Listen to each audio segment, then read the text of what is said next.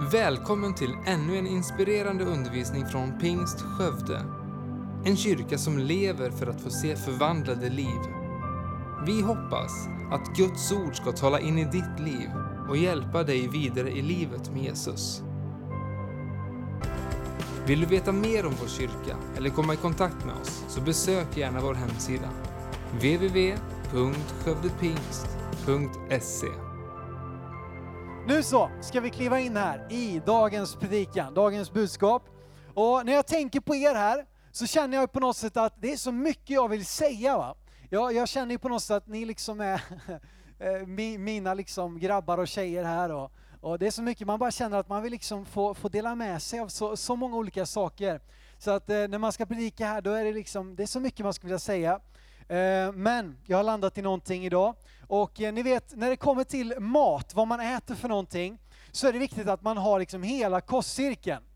Ni är med på det? Man, ska ha, man kan inte bara äta liksom, eh, marängsviss hela dagarna, utan du behöver få en balanserad mat. Och eh, då, du vet, du behöver liksom ha kött och, eller fisk, eller potatis, ris, grönsaker, you name it. Du kan det där. Och så där är det när vi, eh, också när det kommer till våra kristna liv, att vi behöver äta liksom en, en, en varierad kost. Och idag så kanske vissa känner att det här var lite matigt, men du kan se det som en varmrätt, en söndagsmiddag. Farmor har haft inne kärlknölen 12 timmar i natt. Eh, och nu liksom har de skurit upp den här med millimeterprecision. Och ska du få sätta dig ner och äta någonting som du liksom kanske behöver lite tid på dig att, att smälta och bearbeta. Men du vet att den, den gör dig gott och det smakar gott. Okej, så att jag hoppas att du är med på det. Att det blir lite matigt här, lite matig predikan. Är det okej eller? Ja, de här har betalt för att, att säga okej, så att, eh, hoppas ni andra är med också. Nej, det har de inte, men de önskar att de hade betalt, men det får de inte. Eh, okej, min predikan idag, titeln för min predikan är För det första. För det första. Och då undrar du, vad är det andra då? Ja, det får vi se. Men för det första, du vet, livet är fullt av prioriteringar. Varje dag så gör du prioriteringar. Du väljer någonting framför någonting annat. De här valen gör vi varje dag. Det kan ju vara sådana enkla saker som att man väljer vad man ska ha på sig. Då är det något plagg som får ligga kvar till förmån av att du väljer ett annat plagg. Eh, du väljer vad du ska liksom äta till frukost, om du nu äter frukost. Hela tiden så gör vi val. Du kanske skippar frukosten för att få sova lite längre. Eh, och, och liksom vi, vi fattar beslut hela tiden. Och livet är fullt av prioriteringar och det innebär att du sätter någonting före någonting annat. Någonting får ta ett kliv tillbaka därför att du väljer att prioritera någonting annat. Så frågan är, när du ska planera din vecka, vad är det som kommer först? När du ska kanske eh, liksom starta dagen, vad är det du väljer att göra det första du gör på morgonen? Vad är det du väljer att göra när du kanske får ditt studiebidrag eller barnbidrag eller lön? Vad är det du väljer, det första du tänker på att du ska göra med dina pengar? Vi har prioriteringar, vi väljer någonting före någonting annat. Och i Bibeln så ser vi genom hela Bibeln att det första är viktigt för Gud. Han intresserar sig i våra prioriteringar, han intresserar sig i vad som kommer först i ditt och mitt liv. Och jag insåg det när jag satt och förberedde den här predikan att det här skulle mycket väl kunna bli eh, liksom en liten serie för att det är många saker jag skulle vilja lyfta fram just om för det första. Men idag så kommer vi ha fokus på en grej som du kommer få se alldeles strax här. Vi ska läsa först ifrån Andra Mosebok. Jag sa ju att det skulle bli matigt. Andra Mosebok, vet ni, det är början, nästan, nästan början av Bibeln. Är det någon som har någon bibel här inne eller? Ja. Och någon som har en telefon, smartphone? Är det ingen mer som har smartphone här inne? Va? Hur många har smartphone egentligen? Var ärliga nu. Det var det jag sa. Då har ni ju möjlighet att ha bibeln på er. Gå ut på App Store eller Android, eh, Google, vad det nu heter, på de där andra telefonerna man kan ha. Eh, och ladda ner bibeln, så har du alltid med dig den. Det är gratis och det är det bästa du kan ha på din telefon skulle jag vilja eh, faktiskt slå vad om så här på starten. Vi ska gå till Andra Mosebok 13, vers 1-2. Och här ska vi nu läsa någonting och det, det känns lite köttigt. Eh, det känns lite liksom matigt, men eh, häng med mig, det kommer liksom klarna på slutet. Eh, det kommer en, liksom ett ljus i tunneln. Men så här står det i alla fall, Andra Mosebok 13, vers 1-2. Herren sa till Mose, helga allt förstfött åt mig. Allt hos Israels barn som öppnar moderlivet, både av människor och boskap, tillhör mig. Det är Gud som säger detta. Att man ska helga det förstfödda. Helga, vad betyder det då? Jo, helga betyder att avskilja, att sätta åt sidan. Du vet, om du spelar fotboll till exempel, då har du ett par skor som du har helgat åt att spela fotboll i. Du går inte på balen efter studenten i dina fotbollsskor. De är avskilda, de är helgade till någonting annat. Och Gud säger att det förstfödda, det ska vara helgat, avskilt, satt åt sidan åt honom. Och det som vi ser lite längre fram här, vi ska läsa i, i nästa bibelord, bara bläddra fram några, eh, eller gå fram några verser till vers 12 och 13. Nu blir det riktigt gött här. Då står det så här sen då, om detta förstfödda. Eh, att det står så här, eh, Andra Mosebok 13, 12-13. Då ska du överlämna till Herren allt som öppnar moderlivet. Allt förstfött bland i boskap som är av hankön ska tillhöra Herren. Men allt som öppnar moderlivet bland åsnor ska du lösa ut med ett får. Om du inte vill lösa det ska du krossa nacken på det. Varje förstfödd son ska du lösa ut. Här så ser vi att det förstfödda skulle antingen offras eller friköpas. Och häng med mig nu, du kommer, det kommer klarna alldeles strax här. Jag tror det var en liten titel på det, att det förstfödda måste offras eller friköpas. Eh, och, och nu liksom, vad, vad handlar det här om för någonting? Jo, bara för att förklara lite enkelt för er här nu, så var det så att, att det, det stod att, att fåren, de skulle offras, men åsnorna, då skulle man friköpa det med ett får. Och det är så här att å, fåret, det representerar rena djur. Det som var liksom rent, det som man kunde offra till Gud. Därför att Gud vill inte ha det som är orent, han vill inte ha det som är fläckat, han vill inte ha det som är liksom dåligt, utan vi kan bara off, man kunde bara offra det som var rent för Gud. Fåret är rent, åsnan representerar de orena djuren. Och för att friköpa den förstfödda åsnan så skulle man istället offra ett får. Okej, okay. Nu liksom snart, nu liksom är vi nere längst ner och nu ska vi komma upp lite grann här. Om vi sen tänker på dig och mig som människa och så tänker du på vi i oss själva, utan Gud nu då, är vi rena eller är vi orena? Vad skulle ni säga? Orena. I oss själva så är vi orena, vi är liksom syndiga, vi är fläckade. Vi är inte i oss själva rena. Vi behöver en annan, vi behöver bli friköpta genom någonting som är rent. Och Jesus då, om vi tar honom, vi pratar ju om att han föddes hit till jorden på jul. Han då, föddes han ren eller oren? ren. Han var ju liksom eh, given genom den helige ande. Han var inte likt vi, liksom bärare utav syndafallet ända från Adam och Evan, utan Jesus föddes helt och, kom, eh, helt och fullt ren. Och vad sa vi nu? Jo, det orena var tvungen att friköpas med ett rent offer. Och vi som är orena i oss själva är tvungna att friköpas med ett rent offer. Det var därför Jesus var tvungen att offras på, på korset. Ser du det? Du vet att det orena måste friköpas genom det rena. Och genom det rena offret så, så är det friköpt och resten liksom kliver in under det. Därför att det var bara det förstfödda. När det förstfödda var offrat, då liksom var resten, var resten eh, eh, tillhörde då ägaren att användas. Okej, okay, Gud gav oss sin förstfödde. Och frågan är nu, vad ger vi honom? Jesus var hans enda son. Jesus var hans, hans liksom, han gav det enda han hade, han gav det första, det bästa.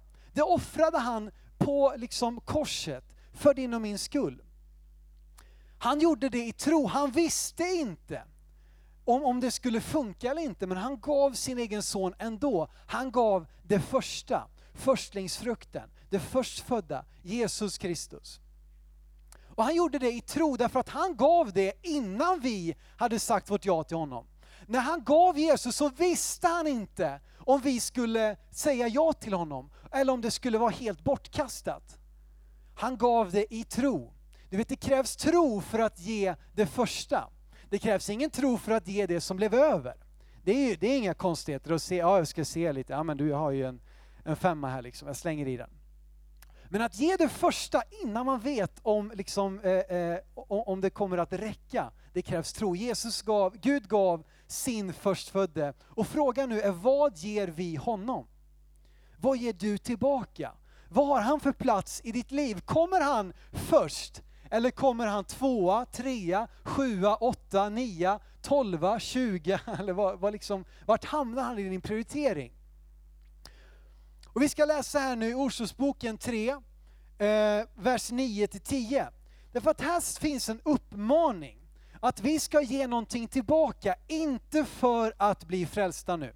Inte för att liksom förtjäna Guds nåd, det är inte det det handlar om. Men det finns ändå en uppmaning här att faktiskt ge någonting tillbaka till Gud. Det står så här Ordsboken 3, vers 9-10. Ära Herren med dina ägodelar och ge honom vad då? Det första. Det första av all din gröda. Dina lador ska då fyllas av riklig skörd och dina pressar flöda över av vin. Vem önskar inte det? Liksom en, en hel eh, vinfontän hemma. Det kanske du inte ska ha. Men det är en poäng i alla fall här av att när vi ger det första vi har till Gud, då kommer han att välsigna resten. Det finns ett löfte här, att vi ska ära Herren med våra ägodelar, att vi ska ge honom det andra, det tredje, det fjärde, det femte. Nej, det första. Och idag då, det här är ju som sagt, det skulle kunna vara en serie för det första, och idag handlar det om dina pengar. Och nu känner du liksom, aj, aj, aj, ska vi prata om pengar resten av den här predikan? Jajamän, det ska vi. Pengar är inte oviktiga, och när det kommer till detta, det första, så finns det någonting i Bibeln som kallas för tionde. Och tionde, det representerar det första. Det representerar det, liksom det första vi har. Tionde är liksom en princip som löper genom hela Bibeln som handlar om att ge 10% av det vi har till Gud. Att sätta det åt sidan och ge det till honom. Och pengar är inte oviktiga. Pengar är inte oviktiga. Och man kan tycka, varför ska man prata om pengar? Jo, därför att det finns få saker i ditt liv som, som är så viktiga för dig som dina pengar. De avgör om vi kan åka till Trysil eller inte. De avgör vad vi då ska kunna kanske ha på oss på, klä, på, på kroppen. Eh, de avgör var vi kan bo, de avgör vad vi kan äta. Pengar påverkar hela våra liv. Och därför är inte pengar oviktiga och därför tror jag vi måste tala om pengar också i kyrkan. Och du märker här nu att det här är som sagt lite varmrätt här nu. Kärlknölen liksom. Det är lite seg, men den är ändå väldigt väl liksom eh, gräddad i ugnen. Um, och det finns kanske ingenting som tydligare visar vad som är först i ditt liv än dina pengar. Därför att det du, sätter dina, det du ger dina pengar till säger någonting om vad som är viktigast i ditt liv. Vad som är Herre i ditt liv. Och om du är kristen så har du sagt Jesus, du är min Herre. Men frågan är, syns det i, dina, i din ekonomi, i dina pengar? Okej, vi ska se här i Första Mosebok 4, 3-5. Här kommer en berättelse om Kain och Abel. Ni vet brorsan som hade ihjäl sin brorsa. Eh, det är ingen vidare trevlig story, men det finns någonting här eh, i de här verserna som, är, som visar på detta ytterligare. Det står så här, eh, i, från vers 3. Efter en tid hände sig att Kain bar fram en offergåva åt Herren av markens gröda. Även Abel bar fram sin gåva av det förstfödda i sin jord av djurens fett. Och Herren såg till Abel och hans offer, men till Kain och hans offer såg han inte. Då blev Kain mycket vred och hans blick blev mörk och det ledde till att han senare dödade sin bror Abel. Men vänta lite, varför ser Gud till Kains offer, eller till Abels offer, men inte till Kains? Jag menar, Kain var ju en jordbrukare, han bar ju fram det som han liksom hade i sitt, i sitt yrke. Precis likadant så var, så var Abel en boskapsskötare, så han bar ju fram av det som han hade. Så jag tror inte det har att göra med att Gud inte gillar liksom, eh, eh vete eller, eller, eller, eller liksom, eh, grönsaker. Men det står någonting här i versen. Det står att Abel bar fram sin gåva av vad då? Det... Av det... Just det, av det förstfödda. Av det feta, och då tycker du liksom fett, det är ju inte gott. Men det betyder det finaste. Han gav av det första, han gav av det finaste och Gud såg till hans offer. Och tionde representerar det första. Och tiondet skulle jag också vilja säga sammanfattar helheten, eller sammanfattar allt kan man säga. Och nummer i Bibeln är väldigt viktiga. När det dyker upp ett nummer i Bibeln så är det väldigt sällan en slump. Det står liksom tre av det och sju av det och tio av det, tolv av det, fyrtio av det och så vidare. Och varje siffra har en betydelse. Särskilt de tio första numren i Bibeln. När de dyker upp så betyder de någonting. De representerar någonting. Tre är Guds nummer, sju representerar fullkomlighet, sex är människans nummer och så vidare. Och sen kommer tio, vad betyder det då? Jo, tio, det sammanfattar allt det andra. Tio sammanfattar de nio första siffrorna. Så att när vi ger av vårt tionde så är det egentligen ett sätt att säga till Gud att allt tillhör dig. Och därför ger jag 10%. Därför att allt tillhör dig. Och Bibeln talar egentligen aldrig om att vi offrar tionde. Bibeln talar om att vi bär fram tiondet därför att det tillhör Gud. Vi kan inte ge någonting som inte tillhör oss, men vi kan bära fram det. Vi kan lämna tillbaks det. Vi kan säga till Gud, allt mitt, hela mitt liv, det tillhör dig. Men för att visa det så ger jag mina första 10%. För att säga till dig, allt är ditt. Och det här är en bra deal. Du vet om du har en, eh, liksom, om du tänker in att du är lite maffia, eh, liksom lite maffiakontakter så, då, då, har man liksom ofta väldigt tajta band liksom. Om man säger, om någon kommer hem till dig och strular liksom, då, då kommer jag dit.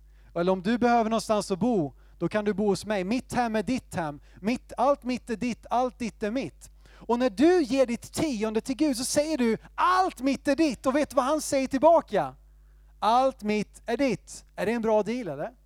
Det är en sjukt bra deal. Du vet att få del av allt det goda som Gud har genom att bara ge liksom tio. Det är ju, det är ju sanslöst bra.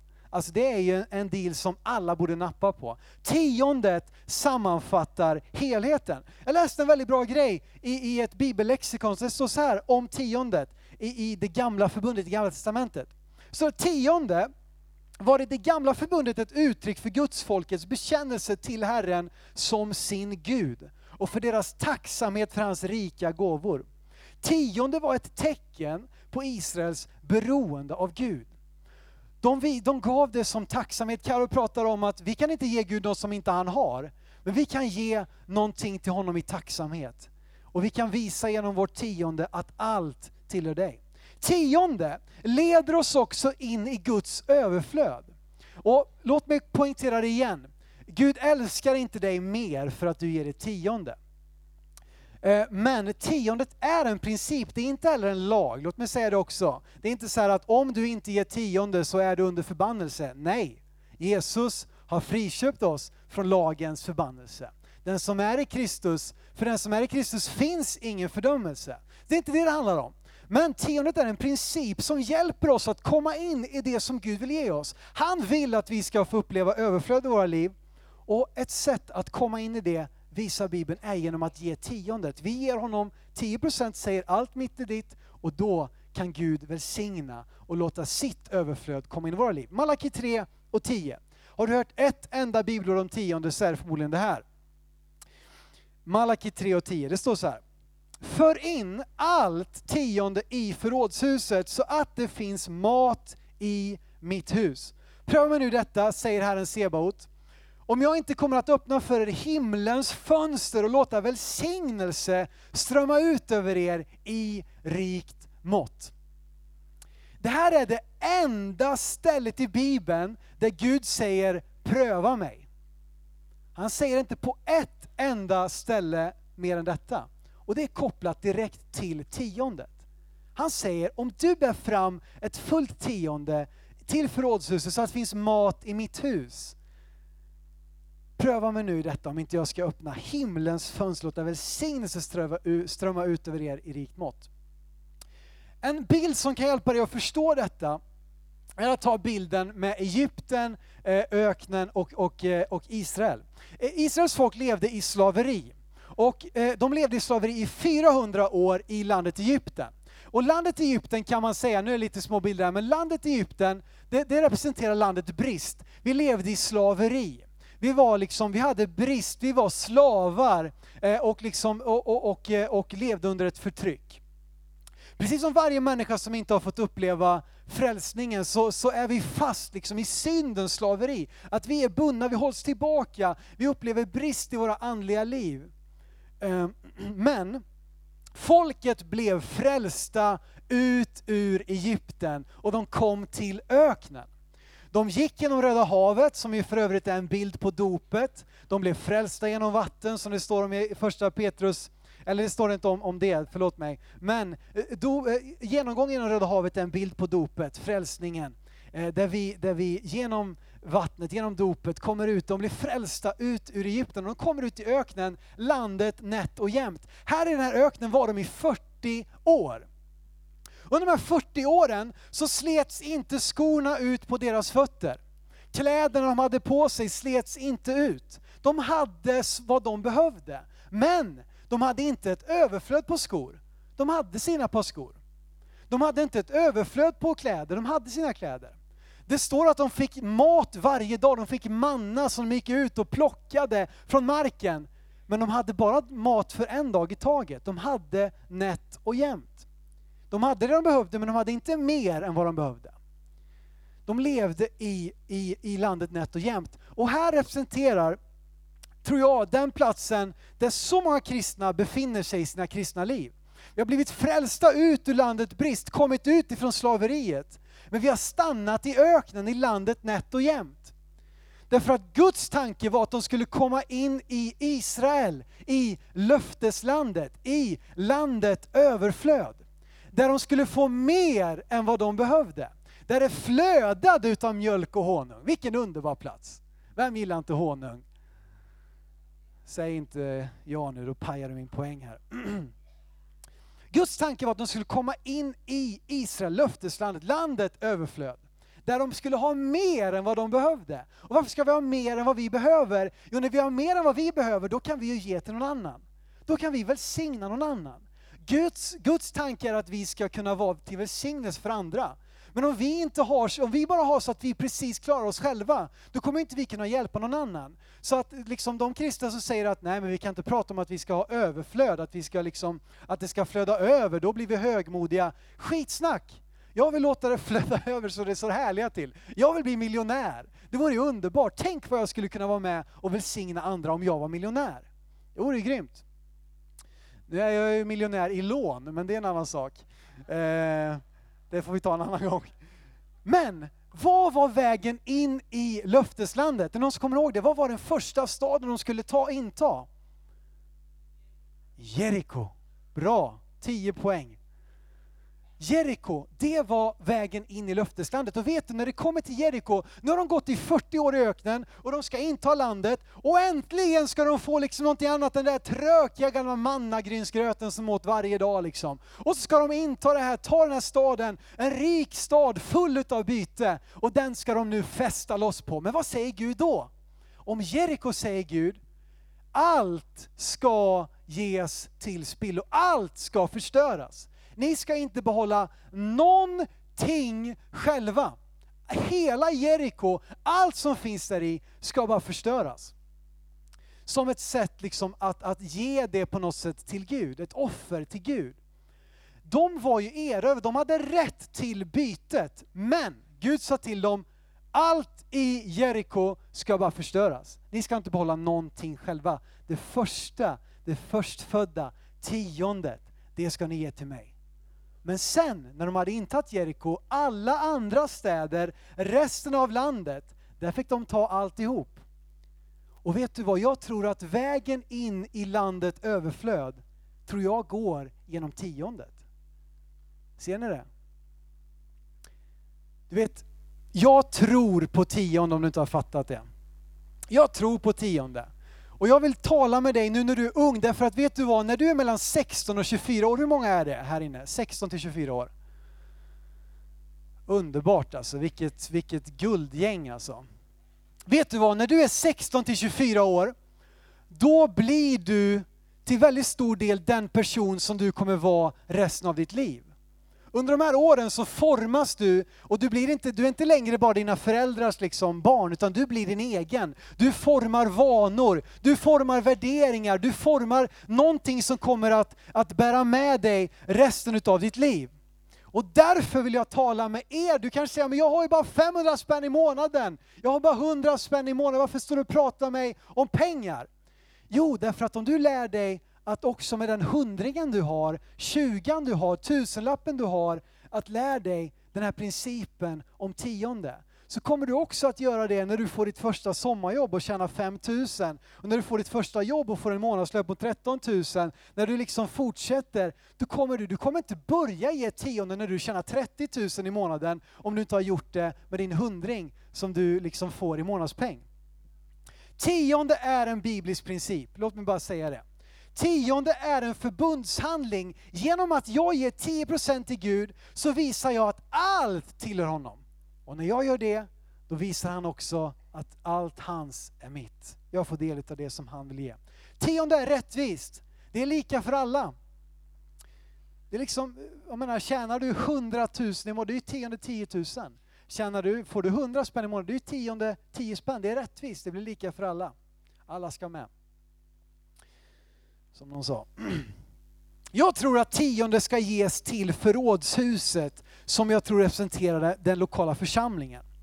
Här nu så, så kan man absolut ha olika tolkningar, men det här är min, liksom, eh, min, min syn på det som jag vet att, att man absolut kan, kan liksom hitta grund för. Att ge det in i församlingen. När jag, när jag gick i högstadiet, då började jag inse detta med tionde. Och jag tänkte att ja, men nu ska jag börja ge tionde och jag började ge den när jag var sådär 15-16 år och där någonstans så fick jag väl mitt typ barnbidrag eller vad det var för någonting.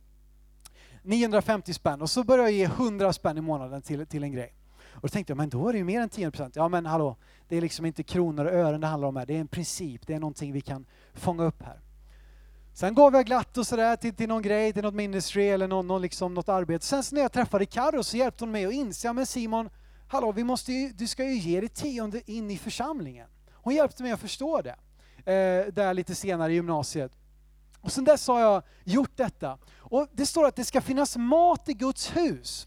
Det ska finnas mat i huset. Tror du, det här är vad jag kallar mat. Reclaim, det är mat. Det finns mat i det här huset. Men om ingen var med och gav, då skulle här, inget av det här kunna finnas. Vi skulle inte kunna tryckt upp de här fina backdropsen om inte någon hade gett så att det fanns resurser till att göra det. Vi skulle inte kunna eh, liksom, ha, ha allt de här, alla de här grejerna. Vi skulle kunna öppna den här kyrkan. Vi skulle kunna värma upp den här kyrkan om ingen var med och gav. Och om ingen var med och gav, då skulle det inte vara något reclaim. Om det inte fanns något reclaim, tänk vad mycket vi skulle missa av det goda som Gud gör genom reclaim. Det måste finnas mat i huset. Och därför tror jag det är en gudomlig princip att vi som Guds folk ger vårt tionde in i den lokala församlingen så att det finns mat där. Så att vi kan nå fler, att vi kan göra fler reclaim, att vi kan ha liksom, nå ännu fler människor. Därför att det hänger ihop. Väckelse är så tydligt kopplat med att Guds folk ger tionde. Därför att det lägger en grund, det lägger en bas där vi kan verka utifrån. Okej, okay. något vidare. Tionde leder till frihet. Någon kände sig lite bunden här och bara kände Simon, du har ju liksom satt eh, handfängsel på mig här nu. Jag känner mig ju helt bunden, det känns ju lagiskt där, det känns ju fruktansvärt. Men vet du vad, det är underbart att kunna ge 10% av sina pengar, därför att det är att ge en käftsmäll liksom till hela, hela det här kapitalistiska systemet. Det går emot liksom det, det sunda, det är ju liksom den som spar han har. Här säger att den, det här säger Bibeln att den som ger han får. Men det, så, det, det, leder till frihet, det är frihet att få ge tionde. Och ingen nu ska komma och säga att Simon tvingar mig att ge tionde, det gör jag absolut inte. Om du är så gnällig och, och liksom känner att det där vill jag inte vara med på, ge inte en spänn liksom. Gud vill ha en glad givare, men jag undrar hur kan man annat än att vara en glad givare med tanke på det vi har fått av honom? Att vi har fått uppleva frälsning, frihet, underbara saker. Prisa Gud. Jesus vill inte ha 10% av oss, han vill ha hela oss. Han vill ha allt. Men det här är ett sätt att ge. Jag ska bara läsa ett sista bibelord, Andra Korinthierbrevet 8.12, där det står så här. Finns den goda viljan så är den välkommen med vad den kan ha och bedöms inte efter vad den inte har. Jag vill säga det till dig, liksom, och du Fastna nu inte liksom i kronor och ören, hur blir det med det där, hur blir det med det där, hur blir det med det där. Det är inte det som är poängen, det handlar om att fånga en princip, att få tag på en princip ifrån Guds ord. Och finns den goda viljan, du kanske just nu inte har möjlighet att ge tionde, vad vet jag. Men jag tror att Gud kan hjälpa dig. Du kanske kan börja med 2% som du sen kan få se växa till och så kan du få uppleva välsignelsen i att ge. Och därför så var detta nu kan man säga då en del ett i för det första. Och låtsasteamet, ni kan gärna komma fram här. Och jag ska säga det att ge tionde, det handlar inte om, om pengar, det handlar inte om matematik, det handlar inte om teknik. Att ge tionde, det handlar om att sätta Gud först. Att sätta honom först. Och jag tror att du den här dagen kan ge någonting som är mycket, mycket bättre, mycket, mycket större än något annat du kan ge. Och det är att du kan ge dig själv. Att du kan ge dig själv, du kan bestämma den här kvällen att du vill sätta Gud först i ditt liv. Att du vill att han ska komma först i, det som, i, det, det, i ditt liv. Och det största vi kan göra, och det är faktiskt det enda vi kan ge som Gud inte har, det är oss själva. Det är våra hjärtan. Det är liksom att vi öppnar upp oss själva för honom. Och därför vill jag verkligen uppmuntra dig just nu när vi går in i detta och, och att prata mycket om pengar och sådär, men som sagt det handlar om att sätta Gud först. Och du kan nu den här stunden, den här kvällen, få ge dig själv. Du kan säga, jag vill ge det första till Gud. Du kan säga ditt ja till honom. Du kan ta emot Jesus i ditt hjärta. Och det är att sätta honom först. Det är att göra liksom för det första. Så, han, så behöver du ge ditt liv till Jesus. Det finns inget bättre beslut du kan fatta än att göra det. Och därför nu så, så vill jag göra det som vi alltid vill göra på Reclaim och som vi alltid vill göra i vår kyrka. Att vi vill alltid ge människor tillfälle att ge sig själva till Jesus. Att ge sin, sitt liv, att ge, liksom öppna sitt hjärta, att sätta sin tro, att börja ta ett första steg av att ge sig själv till Gud. Tack för att du lyssnat. Titta gärna in på vår hemsida www.skövdepingst.se för att få veta mer om oss. Och glöm inte att du alltid är välkommen till vår kyrka